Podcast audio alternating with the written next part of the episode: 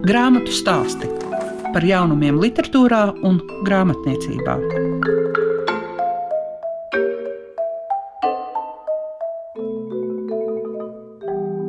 Esiet sveicināti visi tie, kas klausās grāmatu stāstus kopā ar jums tradicionāli liega piešiņa, un šodien pievēršos trim grāmatām. Anna Līce radījusi 20. gada Covid laika ceļojuma piezīmes ar nosaukumu Vēl viena diena. Tāpat palūkosimies uz Ventspils rātsnama krāsni, bet ciklā vērtē lasītājs par Delfīnes de Vigānas grāmatu Noa un Es, kas ir arī Baltvilka balvas šī gada starptautiskā laureāte. Grāmatu stāsti programmā Klasika. Vēl viena diena, tā Anna Līta ir nosaukusi savu jaunāko grāmatu, un tās ir Covid laika ceļojuma piezīmes. Jūs pat esat konkretizējis 20. gads, bet kā ir ar šīm piezīmēm šo laiku? Jūs domājat, ka to vajag izcelt, ka tas ir tieši tajā laikā rakstīts? Nezinu, jo tas laiks jau turpinās. Nekas nav beidzies līdz ar to. Var par to rakstīt, var nerakstīt vairs. Varbūt arī vairāk nevajag par to. Tik daudz arī runāt, varbūt nevajag. Vajag darīt to, ko mēs katrs esam darījuši, darām. Šis laiks provocēja uz rakstīšanu, tāpēc, ka tas bija tāds šoka moments. Tas nošokēja, jo tā nekad nebija bijis. Pilnīgi jauna situācija. Nu jau mēs tagad dzīvojam šajā situācijā, mēs jau esam iedzīvojušies. Gluži jau bez maz vai mēs jau tīri instinktīvi meklējam masku, kad ejam veikalā. Tas nav vairs nekas tāds ah un oh. Vai tas ir labi? Tas ir cits jautājums. Nu, ko lai dara? Jādomā, jācer, ka taču nestaigāsim desmitiem gadu maskā. Šis grāmatas vārks ir tāds, kas vedina domāt par dūlo daugu, jo ir tā sajūta, ka tas aicina uz horizontu, uz to tālumu. Nu, tā arī ir, jo visi radoši cilvēki savā ziņā ir dūlie daugs. Viņi sastopas arī ar to pašu, ar ko sastapās dauga, ar neizpratni, kur tu iesi, nu, ko tev vajag tepat ir labi, te ir drošāk. Tā tas ir un tā tas būs. Mēs vienmēr sastapsimies ar zinām tādu, ka tāda bremzēšana notiek. Vai nu citi bremzē, vai tu pats sevi nobremzē. Bet tas vientuļais krēsls, tas arī liecina par vientulību. Vientuļais krēsls šajā gadījumā domāts ir lasītājiem. arī autoram. Un tas krēsls, tā pasēdēšana vienā, vienā klusā vietā, kur nav neviena, ir vajadzīga. Tā ir tāda terapeitiska lieta. Jums šobrīd tas ir prozā uzrakstītais. Kā tas ir, ka Covid laiks dzēju neprasa? Tagad ir atkal savādāk, tagad rakstās atkal dzējoļi. Nē, prasa, kāpēc ne? Rakstās dzējoļi tagad. Tieši tagad vairs negribas par Covid neko. Anda, vai jūs vairāk rakstāt, tagad arī Covid laika ietekmē, tad, kad tā kā dusmojaties, vai ir novērojumi, vai kas ir tas dzenulis, kas liek rakstīt? Nē, nu, no dusmām. Dusmas reizēm aktualizē kādu jautājumu, par kuru gribētos izteikties. Bet gluži tā rakstīt dusmās gan nevar. Dusmās var lamāties, protams, un dusmoties. Nu jā, bet cilvēki raksta savas piezīmes Facebook vai vēl kur. Brīžam jau viņi piedošana raksta muļķības.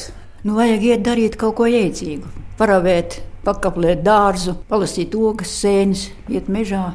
Parunāties ar kokiem, izkliegt, varbūt tur. Nē, mežā nav labi kliegt arī. Uzrakstīt un pēc tam ielikt papīrozā vai sadedzināt. Vai jūs tā darāt? Es daru tad, ja es uzskatu, ka tas nu gan nav nekas ka tas ne, nav izdevies. Tā es esmu darījis. Bet man ir bijuši gadījumi, kad es melnrakstu, uzrakstu vairākus dzējoļus. Es viņus ielieku papīrozā un kaut kā vai nejauši. Un es atceros, bet tur bija, to nevajadzēja mest ārā. Esmu rakusies un neesmu vairs atradusi. Arī tā gadās. Bet, uh, Anna, jūsu attiecības ar uh, papīru ir ar datorstarpniecību? Jā, jā, tagad jau tikai, gandrīz tikai. Nu, lai neaizmirstos, man bieži pateicoties tam, ka atmiņa ir nogurusi. Kāpēc cilvēki tik aizmāršīgi vecumā kļūst un vispār jau mūža otrajā pusē nogurst atmiņa? Nogurst no tā lēruma, kas ir bijis jāatceras. Un es tāpēc arī bieži kaut ko esmu dārzā, es tur roku, un man pēkšņi, nu, es redzu, te pazīst dzējolis. Te ir dzējolis. Kad ieiešu mājā, pierakstīšu, es aiziešu uz māju, un viņš ir pazudis. Viņi negaida nekad. Vajadzētu nesāt līdzi jau un rakstīt, bet kā tad tu tad strādāsi, tad ko tad tu īsti turies rokā? Nu, tā jau nedara nekad arī. Un galu galā, kam ir jāpazūd, tas arī pazūd. Vai nolasīsiet ko no savas grāmatas? Tas jau bija tik sen, es aizmirsu visu, un vispār neesmu to lasījusi. Uz kurienu mēs braucam? Arī pasaules līderi uz šo jautājumu nespēja atbildēt. Viņi kaut ko izstosta par progresu, par pasauli bez robežām, par humānu sabiedrību un brīvu cilvēku, bet paši dara visu, lai tikai saglabātos status quo. Tieši tāpat rīkojas zemāka ranga priekšnieciņi, sākot ar ministriem un tā tālāk.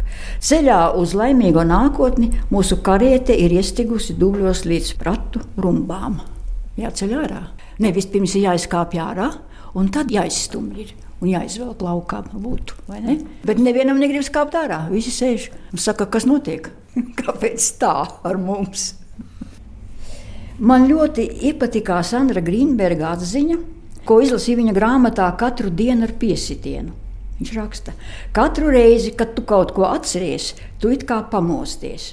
Man šī sajūta ir bijusi neskaitāmas reizes. Tad ir tā, it kā atvērtos kādi logi, un es skatītu ainas un dzirdētu balsis, jo esmu uz brīdi atgriezusies laikā, kas šķita pagaisis. No izsūtījuma atgriezušies cilvēki ir īpaša suga.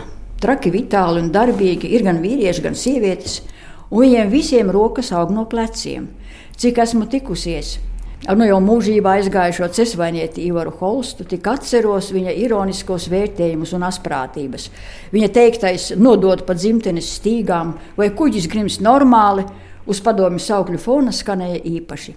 Plēst jokus kopā ar viņu bija tīrais prieks.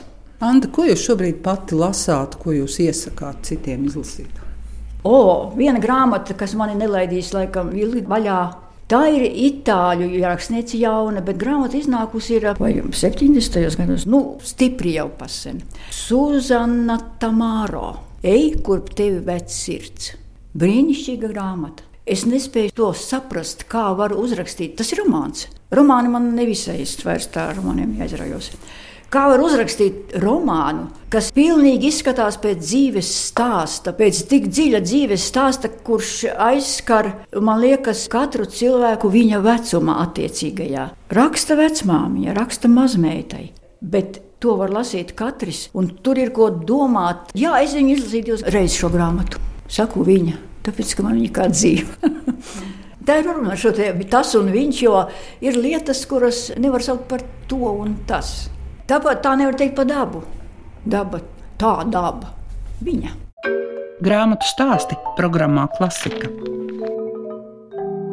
Vai tā ir, ka visu pamatu pamats ir Ventspils rātsnama krāsnes? To es prasu Andrē Konstei, starptautiskās Ventspils rakstnieku un tulkotāju mājas saimniecei, kur var tagad priecāties, ka ir tāda grāmatiņa. Nu, varētu tā būt, jā, jo krāsnes laikam ir tā mājas galvenā vieta, tāda dvēsele. Ja nu tur ir kaut kur mājas gariņš, tad laikam tur varētu viņš arī dzīvot. Jo tā ir apbrīnojama lieta, ka tāda krāsnes ir saglabājusies cauri cauri tik daudziem gadsimtiem, ka tos nav skāruši ne pasaules kāri, ne kādas revolūcijas, pat piektais gads to nav nopostījis. Tā joprojām atrodas tajā vietā, kur kaut kādā 18. gadsimtā viņa ir radīta. Un mums kaut kā tā ļoti labi sagadījās, ka mēs labu laiku jau domājām, Kopš brīža, kad šeit bija iebraucis Imants Lēnsmans kopā ar Katrīnu Vasiljevsku, viņš jau nu zināja, ka tā krāsnes tāda te ir. Un bija Katrīnai teicis, ka par šo krāsni nu, gan varētu uzrakstīt tādu apcerējumu un grāmatiņu, jo viņam šķiet, ka tā varētu būt viena no pirmajām, kuru ir veidojuši podiņus pašus paši latviešu amatnieki. Tad tas viss tā lēnā garā pamazām auga un brieda, kamēr mēs sapratām, ka tā būtu brīnišķīga dāvana mums pašiem un mūsu draugiem mūsu 15 gadu mājas jubilejā. Vai nav tā, ka šai grāmatai vajadzētu būt vairākās valodās, ne tikai latviešu? Nu, jā, jā, mēs jau paši arī domājam, vismaz angļu valodā cerams, ka mēs to izdarīsim, un tad mums būs vēl labāka dāvana visiem mūsu viesiem un rezidentiem. Jo visbiežāk jau visi pasākumi un tādas svarīgākas uzrunas, tās jau arī notiek ar šo krāsni fonā. Un tādas ir tās bildes gan no mūsu mājas atklāšanas, preses konferences, gan no daudziem, daudziem citiem pasākumiem ar mūsu vispazīstamajiem dziniekiem un rakstniekiem. Vai nav tā, ka tā krāsnes ir jau personificējusies un ka jūs viņu īstenībā uztverat kā dzīvu būtni? Nu, es tā ceru, jā, es tā domāju, tāpēc ka šīs krāsnes podiņi mums ir uh, iedzīvināti arī mūsu mājas balvā. Jo saņemot balvu, tad uh, mākslinieks Jānis Kupčs katru reizi uzzina, kuri tieši saņems, un tad nāk uz krāsni lūkoties, kuri podiņu atbilst tieši tiem saņēmējiem, tad viņš tā izdomā, kur tie varētu būt. Tā arī tās vēseles daļiņas kaut kādā veidā tiek arī izsētas pasaulē. Tagad, piemēram, to sēriju es esmu, mēs redzam, ka tur paliek arvien biezākas tās grāmatas, un tur ir nereti 700, 800 lapus. Šī ir tā maza, eleganta teiksim, tā rozīnīte? Es tā saku, ka pērlīte. Jo, nu, atcerēsimies, ir taču mums tāds izteiciens, ka labi jau daudz nevajag. un te ir tik ļoti koncentrēti un skaisti tas viss tapis, ka man šķiet, reti par kādu grāmatu var teikt, ka tā ir tāda tūpa pilnībai. Gan tāda teksta izpratnē, tajā zinātniskajā izpratnē, un gan arī noformējumā, par ko vislielākais paldies profesoram Lansmanim un Katrīnai Vasiljevskai, jo tā saskaņa ir pilnīgi ideāla šeit, man liekas. Kurš no krāsnes podziņiem ir tavējai? Noteikti ar ziloni. Jo man tiešām vienmēr uzjautrina, ka latvieši laikam ir iedomājušies, nu, ka viņi nevar iedomāties, ka zilonis, nu, cik liels, milzīgs viņš var būt. Un tad tas zilonis tur ir nu, tāda liela suņa augumā, tur ir tāds ziloņa medības atveidots. Un man ir ļoti žēl, ka to Katrīna nav ielikusi, un es viņai arī pavaicāju, bet viņa teica, ka nu, nekādu nevar nofotografēt, jo šis podiņš ir noslēpts stūrītī pašā augšā. Un, ja kādreiz vēl bērni ienāk vai kā, tad es saku, nu, sameklējiet, kur ir arī zilonis, jo suņus un ko tur var ātri ieraudzīt. To ziloni ļoti grūti atrast. Kā ir ar gada grāmatu? Tā būs. Kā tad jau bija un būs nākamgad. Man liekas, ka gada grāmata mums ir patiešām noturējusies visus šos gadus, un nu jau mums ir septiņas. Tiešām iznāk katru otro gadu, kā mēs arī bijām iecerējuši. Un es nezinu, vai Latvijā vairs ir daudz gadu grāmatu, kuras iznāk tā regulāri. Bet tas ir tāds mūsu darba atskaites punkts, kur ir redzams, kas ir noticis, kur pie mums cilvēki ir bijuši. Un, nu, es domāju, ka mēs pie tā turēsimies, jo pašiem rakstniekiem jau arī ir vienmēr ļoti svarīgi svarīgi redzēt, jo viņi ļoti grib to gadu grāmatu, kur ir tās viņu publikācijas īpaši, bet izlasa arī, protams, citus. Un man liekas, ka tas arī ir um, svarīgi tai ziņā, ka tur vairāk darbi, tur ir tādi pirmpublicējumi, un pirmpublicējumi, piemēram, angļu valodā, kas ir arī tāds pirmais tulkojums, un kas aiziet pasaulē, un ir iespējas, ka varbūt kaut kur aizķers kāds tulkotājs izlasa, un tas process turpinās. Grāmatu stāsti tiem, kam grāmatu lasīšana ir vērtība. Šīs dienas grāmatu stāstos jūs ko vairāk dzirdēsiet par Delfīnas de Vigānas grāmatu No un es mani kā lasītāju uzrunāja momentā, un es tiešām ar prieku ieteicu visiem saviem draugiem. Arī Baltvilka balvas žūrija bija šo grāmatu pamanījusi, un viņi saņēma starptautisko Baltvilka balvu. Grāmatu latviskojas no franču valodas ir Inte Šmite, un iznākus tā arī Jāņa Rozes apgādā. Jāsaka, tā nav vienīgā Delfīnas de Vigānas grāmata. Ir vēl viena iznākusi, tās nosaukums ir Lojalitātes, asredzīga līdzīgs skatījums uz varbūt pat neierastām lietām, tā teikt, es. Bet eh, ko saka Laura Vinogrādo, kas ar šo grāmatu ir izlasījusi? Nu, es teiktu, ka šī grāmata noteikti ir pelnījusi Baltvilku balsu atzinību Manuprāt, maldīgs ir priekšstats, ka, ja grāmata saņem Baltvilka apbalvojumu, tad tā ir tādai kā bērnu auditorijai vai pusauģu, kā viņi tiek arī definēti. Jo šī grāmata, manuprāt, ir grāmata cilvēkiem, jo tās pamata kaut kāds kodols jau ir par cilvēcību. Un tie, kas ir lasījuši, jā, tie jau zina, ka sižetā ir par meiteni bezpajumtnieci. Viņa tiek pieņemta īstā, normālā ģimenē. Cik no normālā tas jāizdomā katram pašam. Tas pats kodols tēls jā, ir par cilvēcību, un tur arī ļoti tādi trāpīgi vārdi, kas man liek domāt pat par šī brīža situāciju, kas saistās ar bēgļiem, ar kara darbību dažās valstīs, ka mēs spējam, nezinu, aizbraukt kosmosā, izgudrot tosteri, labi, tas ir mans interpretējums, bet ka mēs spējam arī ļaut cilvēkam nomirt uz ielas. Nu, tas ir kaut kas līdzīgs, ka mēs spējam viņus neielaist valstī, mēs spējam izlikties, ka kaut kas ir tālāk nekā mums šķiet. Un, jā, cilvēks ir ļoti spējīgs. Es atceros, ka pēc grāmatas izlasīšanas es ļoti savādāk kādu laiku staigāju pa ielām un uzlūkoju tos pašus bezpajumtniekus. Nu, šī grāmata arī savā ziņā parāda tādu dzīves īstumu un par to, cik mēs tieši varam otram palīdzēt, cik daudz, un vai tas otrs pat gribot mainīties, vai viņš to spēj. Jo dzīvē pieredzētais un tas, kas mūs ir veidojis par to, kas mēs esam, viņš jau nav tik viegli maināms. Jā, un ko tieši nozīmē palīdzēt otram? Nu, ļoti, ļoti, jā, šī grāmata noteikti jāizlasa. Grāmata ir tapusi 2008. gadā. Vai tev bija arī pārdomas par stereotipiem, kādi tev pašai ir, kā ir arī ar grāmatas varoņiem, un kā tie ietekmē vai maina mūsu uzskatus? Man ļoti pašai viens sevis radīts mīts tiešām sagāzās. Es beidzot savos nu jau vairāk gados patiešām tā skaļi atzinu sev, ka alkoholisms ir slimība. Un, jā, ar gribēšanu vien nepietiek. Man šis tā tieši iebliez. Un nācās par to domāt, jā, ai, nu ik viena grāmata jau maina kaut kādus stereotipus un uzskats. Man liekas, ka tieši tāpēc jau raksta grāmatas, lai liktu padomāt un paskatīties sevī. Vai tu esi lasījis arī lojalitātes? Nē, bet es esmu gatava jā, atrast un, un lasīt. Ja ir jānoraksturo tas atšķirīgākais, kas ir latviešu autoriem, kas raksta jaunai paaudzei, vai vienalga vai bērniem vai pusauģiem, un uh, šīs tulkotās grāmatas, jo no un es ir ļoti spēcīga un viņa nepadara dzīvi vieglāku. Noteikti nē, bet Es teiktu, ka tik drosmīgas un atklātas grāmatas padara dzīvi īstāku, un no tā noteikti nav jābaidās. No Latvijā man liekas, ka pamazām arī mēs, rakstnieki, kļūstam drosmīgāki. Mēs vispār, man liekas, vairāk esam tendēti rakstīt izklaidējošu literatūru, tādu uz piedzīvojumiem rosinošu. Un personīgi es jā, līdz šim vairāk grāmatās gribēju, kas ir domāts bērniem, ielikt kaut kādā ziņā mīļumu, uzburt to sajūtu, ka pasaule ir laba un brīnišķīga rozā vieta, pilna baloniem un staigā tie vienredži. Bet jā, es tā vairs nerakstu, jo dzīvē ir jābūt īstai, un bērni to īstumu pieņem daudz labāk kā mēs. Un pusauģus, man liekas, vispār nevajag mānīt. Viņi paši lieliski redz kā ir. Un tieši ar grāmatu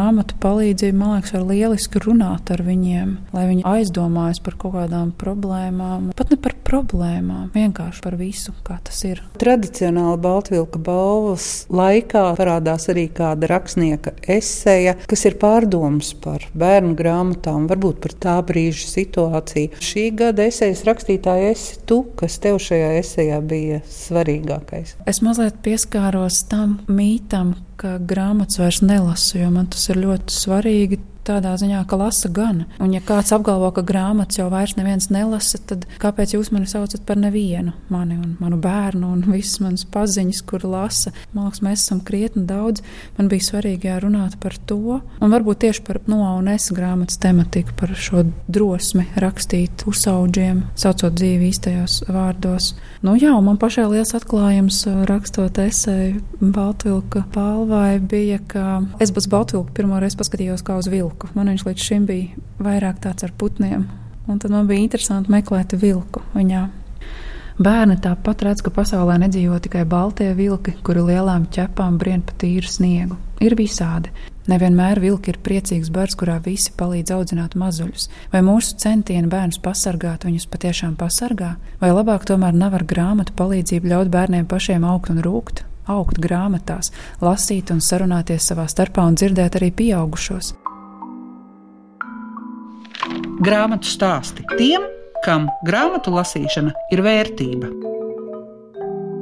Izskan grāmatu stāsti. Šīs dienas raidījumā dzirdējāt Andu Līci. Viņa vēstīja par savu grāmatu vēl viena diena. Arī iepazinām Ventspils Rācnama krāsni. Un ciklā vērtē lasītājs dzirdējāt par Delfīnas Devigānas grāmatu Noā un es. Bet ikvienu aicinu 20 1. augustā doties uz Tallinas kvartālu un nokļūt grāmatu tirdziņā. Kopā ar jums bija Lieka Piešiņa.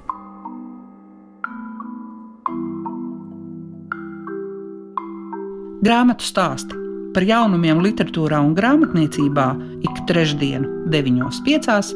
ar atkārtojumu Svētdien, 18.15.